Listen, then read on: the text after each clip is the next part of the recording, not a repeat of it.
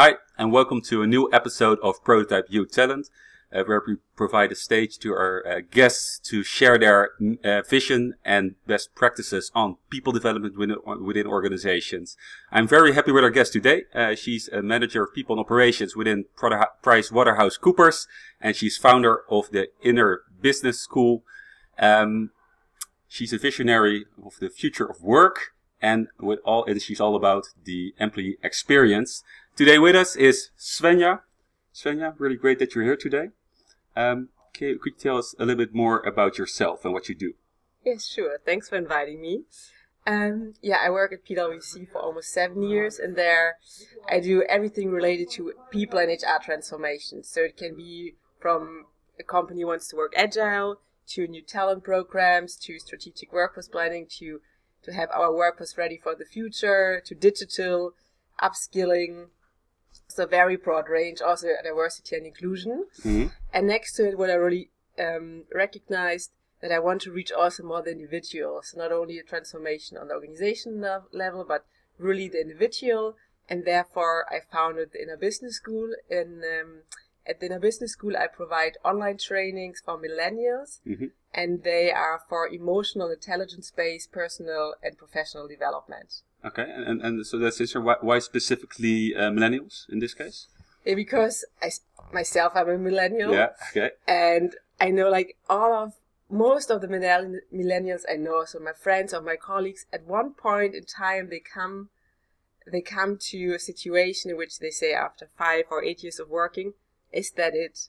So is it my entire life that I have to go to the office at nine, stay there until five, and just like be in this red race, or shall, shall I really step out, do my own, uh, found my own company, and do something completely else? Yeah. And what I realized for me is actually that a lot of people escape from certain situations and build something in the outer world, but then they, after a while, they again have the same problems. Because in the end, you have something first to change inside yourself. Otherwise, you will always um, meet the same problems over and over again. Yeah. So so instead of treating symptoms, you have actually really go for the root cause and change something from within. Uh, exactly. Yeah. So uh, what we're always do in these uh, conversations is to first for the audience to get to know uh, you, to get to know Svenja. Uh, so uh, could you share with us what personal development means to you? Yeah. So I began, or I started my personal development journey um, with becoming a yoga teacher. So it was really coincidence that I started to become a yoga teacher. It was a free class, and I thought I just started yoga and thought, oh, nice, a free class. I will sign up for that. Mm. And it was a yoga information uh, evening to become a yoga teacher. And I was so convinced of the entire idea that I immediately signed up for that without being really like flexible or having experience in yoga. But there, it was the first time that I experienced something like breathing or meditation or looking more inside and not always being like chasing something in the outside world and the red race you were talking about exactly so. and there i like yeah and there is also a part of spirituality i discovered before that i thought oh i don't want to have anything to do with this woo woo uh, world um, but then I really started also with a personal development journey. So I follow different coaches. Um, for example, like yeah, they are more based in Germany, but. I also, um, for example, one of my coaches, which I not of course in person, but more online, is Marie Forleo, who I follow and do classes with her. Um, but also the entire path of mindfulness and emotional intelligence. Okay. Yeah. Okay. And uh, so, if you look at uh, perhaps uh, some of the challenges you have encountered so far in your life, could you share perhaps one challenge you faced so far uh, in your career or in life, and how did you go about solving that challenge? Yeah. So there were, of course, like many challenges I had. We're all human, right? We're all human, exactly. And I mean, you have like let's say these micro challenges in your daily work, um, where you just get an email uh, where your client or a colleague or your boss is complaining about something because something didn't went the way it it should went and expectations are not met. And then to at this micro level involve challenges to step back and and realize it's not about me. Mm-hmm. so it's it's a problem. There were different expectations but in the end it's not something personal. I really have to play myself for something. Yeah. So to not take things too personal because I mean we're all human, and uh, some most of the time there's a problem in communication when these micro challenges in our daily work um, Yeah. happens, Yeah. And bigger challenges. Um, yeah, for example, when I moved to the Netherlands, it was quite a big step for me because I had to build up my entire social network again. I was completely overwhelmed in the beginning. Um, I had a project for PwC I was working on, which was really challenging, and um, and then like my head was just it was so much. It was really so much to do, and I was so stressed. Um, but then also to to take then also here again step back and put things in um, in perspective. hmm So to realize everything is not like you you most of the things you you you're not going to die from, Yeah. and to just to put in We're still perspective, here. we're still here, and to see what is really uh, important in your life. So it's more about health, that your family is good, that you, uh, yeah, that that's the, really the important things are good, and that you don't let yourself to stress too much from from yeah from outer things. hmm And how does it feel right now?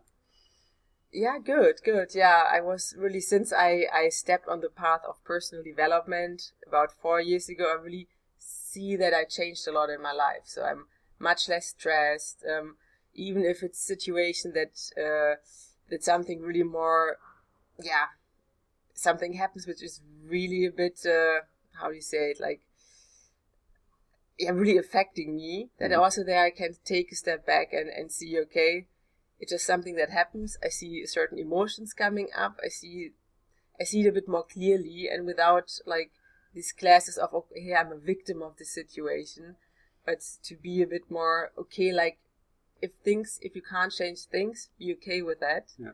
And if you can change things, then change it, but don't sit there and worry the, the entire time. Either do something or accept the way, accept the situation the way it is. Yeah, Great. So uh, on your LinkedIn profile, and I'm going to take my notes for this. uh, you- you're stating as well. You're stating um, uh, you're trying to cultivate uh, compassion, curiosity, and creativity Yeah. on the workplace. Uh, more work and uh, no bullshit. Exactly. What does that mean? yeah, so what I really see in the corporate world that it's sometimes just like a big game. So everyone has their own political agenda. Um, often we have meetings which are for a reason that you just want to convince the other party or want to get certain information, but it's not actually that you want to collaborate or really want to together come a step further. And I just always imagine like if everyone just would speak up and would say what they really have on their mind, business could be so much easier if you just really can say or just call things the way they are instead of this entire political game. So therefore I say just less bullshit and pure work, just do what is necessary. Also use a language which everyone understands because as consultants I could speak for an hour almost over things without really Saying anything? saying at all? anything without really content. Yeah. So I've and- been there as well. Yeah. yeah, so you know that you just can uh, play bullshit bingo all day long. Just Mhm. put some uh, fancy buzzwords in a sentence, and everyone thinks, "Oh yes, yes," but in the end, it's no content. And um, why I really think compassion, curiosity, and creativity is important is because these are really human unique skills which can't be automated. Now, creativity is maybe discussion, but let's say imagination um, instead of creativity. And I mean, everything will be at one point will be digitized or automated. Mhm. So then, really, the value um, which yeah companies or people can add is really having these unique human skills, and I think we have to cultivate them more. And most of the time, this is not something we learn in school. So we're really trained in school to um, use our intellect, our intellectual brain, our rational brain to absorb knowledge, to apply knowledge, but more these human unique skills like imagination, creativity, curiosity to really follow things you're interested in, compassion is nothing that we really learn. And I think the work world of work would look totally different if we have more of that more of that in our daily work. Yeah, yeah, interesting. Um, more on that later on in our conversation to delve to that. Uh, so, um, looking at uh, the employee experience, which is a big topic to you, um, could you explain for our audience uh, what is this employee experience and Mm. what makes it so important nowadays? Yeah, sure. So there are also a lot when we come back to consulting bullshit bingo. We hear a lot of employee experience, employee journey, engagement, employee engagement. a new thing is employee value proposition. Right. So, but everyone uses these terms and just throws it like, like, like in, and um, yeah, it's often not clear what it is. So, my definition of employee experience is how a person perceive the work environment, um, and it's very personal. So everyone has really their own experience, and it's on a technical, on a physical, and on a um, behavioral level. Okay. So everything which you relate to a company. It could also be that you sit on your Sunday morning at home and you read the paper and there is an article about your, the organization you work for, mm-hmm. or you're at a birthday party and you someone asks you, yeah, what are you doing? And you say, yeah, I work for this and this company. Also, this is an experience. But also, if you step in the morning into the office and the uh, the person at the reception says hello to you, or not, then it's more a bad experience. So it's really broad and it's not really tangible. But why is it so important? Is that we actually move now from a service economy to more experience economy. So organizations really what where, where they can now make the difference is in selling a good experience. So it doesn't actually matter like the coffee's almost everywhere the same. Mm-hmm. But what makes it different is the experience you have when buying the coffee. So Yeah. do you have a barista who's really friendly? Does someone really write your name on the cup with a heart? Mhm. That makes the experience, and this is something which is transferred by people, and their companies can really also uh, yes put a quite a high surcharge on uh, on on on the products or services if they have a good experience. And yeah, as I said, they can deliver it by people only. So you also have to make sure that you provide your people with the best experience when they work for your company, that they in the end can provide the best experience to the customers. And So, so optimize your employee experience so that your employees will optimize the customer experience. exactly, yeah, So employees first, and they will take care of your customers. Uh, exactly. It's also a quote from Richard Brent, Branson, Branson, Brendan, Branson, yeah. exactly. When he says, I think, yeah, if you first make your employees happy and the customers will be happy, uh, yeah, if your employees are happy, kind of that. So Yeah, yeah, it's it's, it's and, and I'm probably paraphrasing, uh, but it's something like uh, often people say that the customer should come first, but Yeah. the employee should come first, Exactly, and those yeah. employees will take care of your customers. Uh, exactly. yeah, nice. So if you look at people development within organizations, what would be your definition of people development done in the right way? I think the what I often see in organization, what the problem is now, that people development is really a, a formal part, so it's really part of the learning and the development curriculum. But I think learning and development, or yeah, yeah, development is really something which happens much more on the work floor. So it happens actually daily. If you if you get a good feedback from your manager, not that it's it's positive, but Yeah. it can also be uh, critical feedback, but that you have always the chance to learn something. And I, there's also a model that actually only 10% of learning happens within the classroom and 70% on the work floor. Are you referring to Jennings, his 70 20 10 model? Exactly, yeah. yeah. Familiar with it, yes. And I think it's so much im- more important now that companies realize that this, this, this micro learning, which happens on the work floor, is really the 70%, and then actually train the people more, especially managers or pe- people in the organization have kind of a people responsibility to be better coaches and mm-hmm. to that we learn to give each other good feedback and that it's not always that we say oh yeah you, you did it well but in the end i think oh what what did he do? It's really Yeah. it's really crap. But really to be to create safety that we can give each other good feedback that we can learn. Yeah, yeah. and i think if if, if this is more like i think more investment on a behavioral level to create a safe space that we can learn also from each other instead only or primarily investing in the formal trainings Yeah, so really learning from together with each other Yeah. uh, on the work floor and not necessarily only trainings, workshops. Uh, exactly because there's tons of learning uh, Yeah. among colleagues uh, everywhere. So um, if you look at talent development uh, and people development, what would you say makes uh, it succeed in organizations? So what is required for that definition of uh, people development done right? I think it's that uh, it must be relevant. So sometimes you go to training or development, yeah, development program, but you don't really need the skills you learn or the competencies then afterwards. hmm So it must be really relevant that you immediately can apply it, and also in, in such a way that it will be afterwards also, yeah, kind of that you are enforced to do something with it. So that it's follow up on that. Yeah. That uh, that also uh, training programs of development programs are not only like a two day classroom training, but that there's really something before and after which is happening. And in the end, that you stimulate people more that they do it intrinsically. But for, uh, for example, that they have to then after training that they really have to, for example, to start to journal and think about their motivation and goals and really do it for themselves. So to ignite like the spark that Yeah, they do it yeah. for for themselves and not only because you just had to do it uh, because your employer said so. Yeah. So so could I summarize that in two points? Uh, it's uh, it should uh, not be a hit and run. So there should be follow up afterwards where you can actually also apply the things you have learned. Yeah. Um, and and the second one would also be um, uh, I just lost it actually. So what's the second one?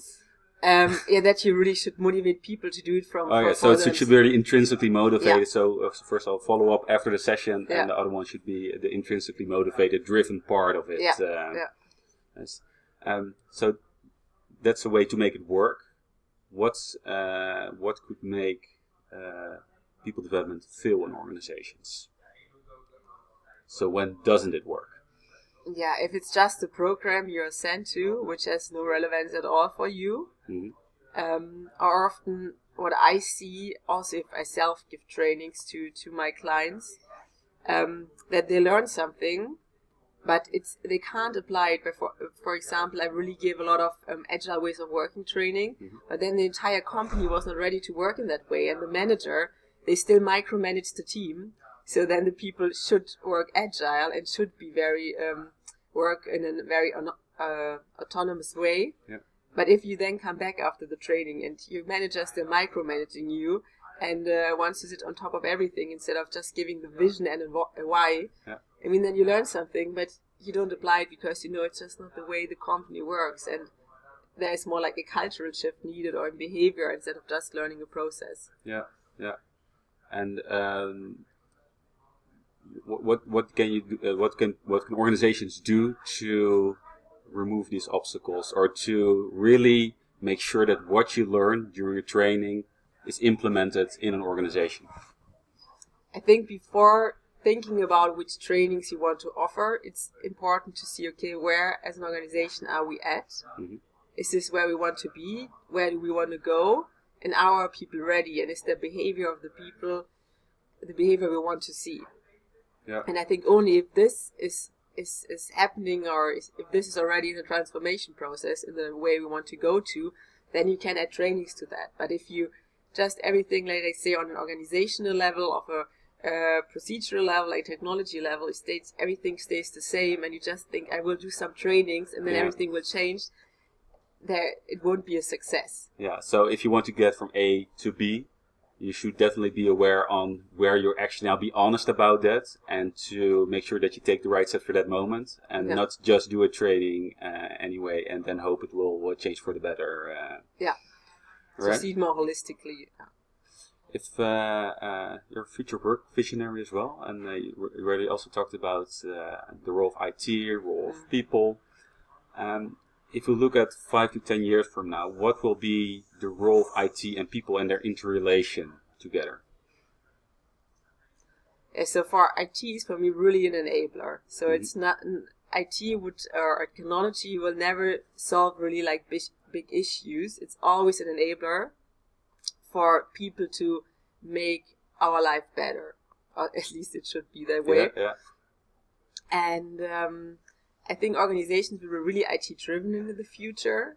And that, for example, if we look really at HR or people development, that like all the administrative task or repetitive tasks within HR, they will just be kind of done by a tech, tech, uh, technological solution. Mhm. And that really people who are responsible for people or HR within a company, that they can really focus on the personal and professional development. So because all these obstacles are then removed thanks to technology, and then it's really about okay, how can we use your skills best in this company? What are your goals and how do they align with our goals as a company and how can we find the best way um, of collaboration and this not in a 40 hour work week Yeah. but just okay what is what can you contribute to our company and then just do it without that we, you have to track the time so it's it's much more output driven and then also enabled by, tech by technology of course Yeah, yeah. You, what what kind of limitations do you currently see in organizations which prevents to, for for people to really thrive and give output to uh, and provide value to their organization? so what I see and what I experience myself is that you just you are busy with so many things which are not adding value. So you're still often trapped in kind of administer administrational work, or you just have to attend so many meetings which not not really add value. Um, that you have still this 40 hour working week so you have to be just sometimes there even if your brain is really like done for the day Yeah. and you don't get any straight thought or any good idea anymore uh, if out from your head on onto a PowerPoint slide or something. So we still actually live in a in a world or in a wor- world of work which is very much based still on the industrial age. Yeah. And now we use most a lot of people working in office. We only use like very high highly con- uh, cognitive cognitive skills, and it's just not something you can force to to be now creative or to to be now really sharp if if you yeah, you can't force your brain to do that and we still try to squeeze that in this 40 hour standard working week with come coming to the office at 9 and leaving at 5 Yeah, yeah. I think there's this still. You're right. It's very old paradigm from the industrial age where you have to make more hours to be more productive. yeah Um, and I think this paradigm comes in organizations also. They would rather have people who show up 40 hours a week and are uh, eight hours productive yeah instead of people who show up eight hours a week and are for 40 hours productive. Yeah. Uh, and um, so uh, personally, I also have this feeling sometimes that uh, I, I know that I can be more productive because I'd have to do a lot of creative work. And I know that I can be more productive by working less hours and Yeah. taking care of my life, social, uh, sports, exercising. Um, but uh, sometimes there's this, still this little voice that says, hmm, uh, you only work for four hours a day, you've done a lot of work, but perhaps you should work more, or should work even more hours Mhm. because you have not worked for eight hours today. Is this, uh, how is this for you? Is this something uh, that you just say, okay, I've been really productive today, I don't feel guilty at all about not working uh, eight hours, or how do you go about, go about this? Uh, i totally feel guilty most of the time if Okay. I, if phew, I- I'm not the only one. yeah if i work less or if i work less hours but maybe already did more more outcome or output which i normally do in eight hours and then i really feel guilty because i mean still we are paid for the hours we make so it's it's um that's the way how most of us are uh, rewarded Yeah. um, but i think it's also something to just learn from the beginning of your life so that i mean already in school you have this very strict uh, schedule where you have to what you have to do when you have to be um, there when you can when you leave. So it's just something i think this feeling of guilt something we are yeah it's also in our education and upbringing. Yeah, yeah. and also of course our parents. I mean yeah they are another generation and yeah. Yeah, it's, it's, it's uh, we're nurtured in a certain way to see the world in a certain way, and I think from uh, from very young age, being on school in school, it's about showing up. yeah It's not necessarily about uh, output alone. It's it's it's mostly also about you have to be there, yeah and you have to make the same hours as everybody else, and you have to put in the work, which I think is is is good. Uh, but I I also think that sometimes it uh, works. Uh, um, in a negative way on your productivity yeah and uh, that sometimes you can better work for four hours a day than uh, put in those eight to twelve hours. Take Yeah. a good sleep, have a some exercises, see your friends, and Yeah. then be way more creative, produ- productive uh, afterwards. Uh, definitely yeah So uh, let's let's try to be strong and uh, teach each other to, to really do that as well. Um, if we're going to look at the future, uh, could you share with us, uh, Svenja, where do you want to go? What is your ambition for the Yeah. future? So I still want to see myself in uh, in five or ten years still working in the corporate world, but still also developing further my own uh, um, in my own business around inner business school. So really trying to help individuals that they um, yeah really work on their emotional intelligence skills and use that for professional development but I still really see my place within the corporate world because I see that I have quite a, can make quite a big impact. I have a very short line to decisions ma- decision makers within HR, and I think, yeah, if I really want to make a change, I want to make the change at the place where I am, and that's the corporate world, and then inspire people around me to do to do the same rather than being like outside and try to tell people how it uh, how it works. Yeah, yeah. So, but I'm really curious how the the yeah the world of work will change if we maybe in five years that we really don't have 40 hour contracts anymore, but are rewarded by the output we deliver. What is your hope for the future? How the world of work will change? Yeah, so less bullshit, definitely. Just say what is on your mind and save all this energy and to follow hidden political agendas that really would make business so much easier. That we use technology in a way that it really helps us instead of uh, yeah being actually the slave of technology. So that we really find a way that technology will be an enabler. Yeah, that we elevate our humanity instead of being a slave of our, of our technology. Yeah. Exactly. And I think in, in general, then the third thing, also with what you just said, it's really human upskilling. So that we really think about what makes us unique as humans and can we nurture that more so already starting from the from from school so that you're less focus on intellectual skills because i mean knowledge is just you just get it I mean, we have google we don't have to know everything mm-hmm. in our brain but just learn more what is really more important like something like compassion or connection and uh, more the ability to change yourself and um, yeah and adapt to new situations so really, this this this this this power of introspection, uh, learning, yeah. uh, being compassionate toward others, uh, and to yourself. To yourself, that's, that's an important one. Uh, you're right. Thanks for uh, thanks for sharing that one as well. Um, what we always uh, time always flies during these kinds of conversations. Um, we al- always finish our Prototype You Talent interviews with uh, conversations with uh, one question, mm-hmm. and that is what can do organizations do today to uh, to improve their talent development? So, what can organizations start doing today to improve their talent development? Um, I think what this would re- really make a huge impact is that looking at which kind of people do you promote or make a difference between managers and leaders.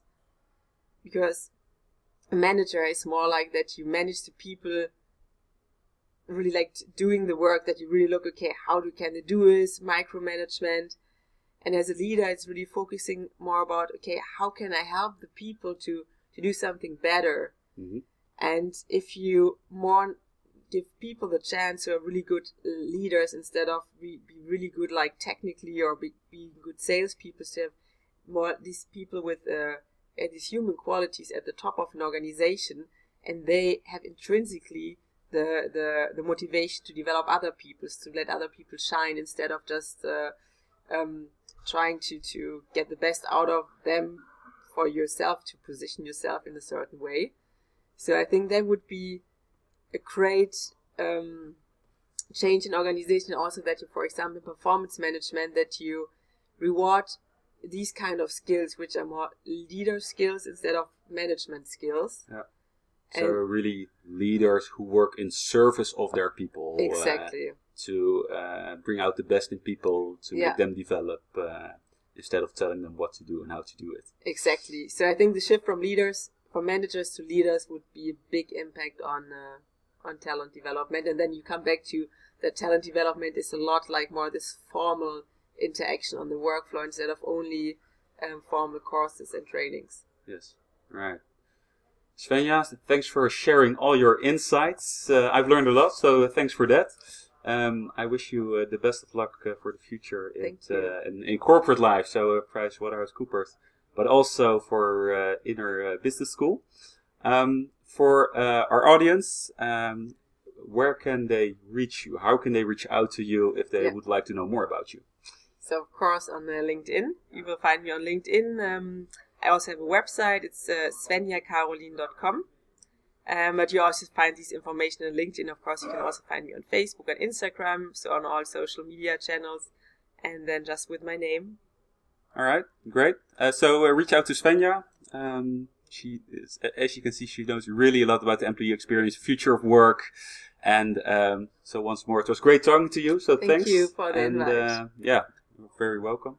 And um, also for the viewers, this was a uh, this is a wrap for uh, our episode of uh, Prototype You Talent. Hope to see you in a next episode. All right, bye bye. Bye.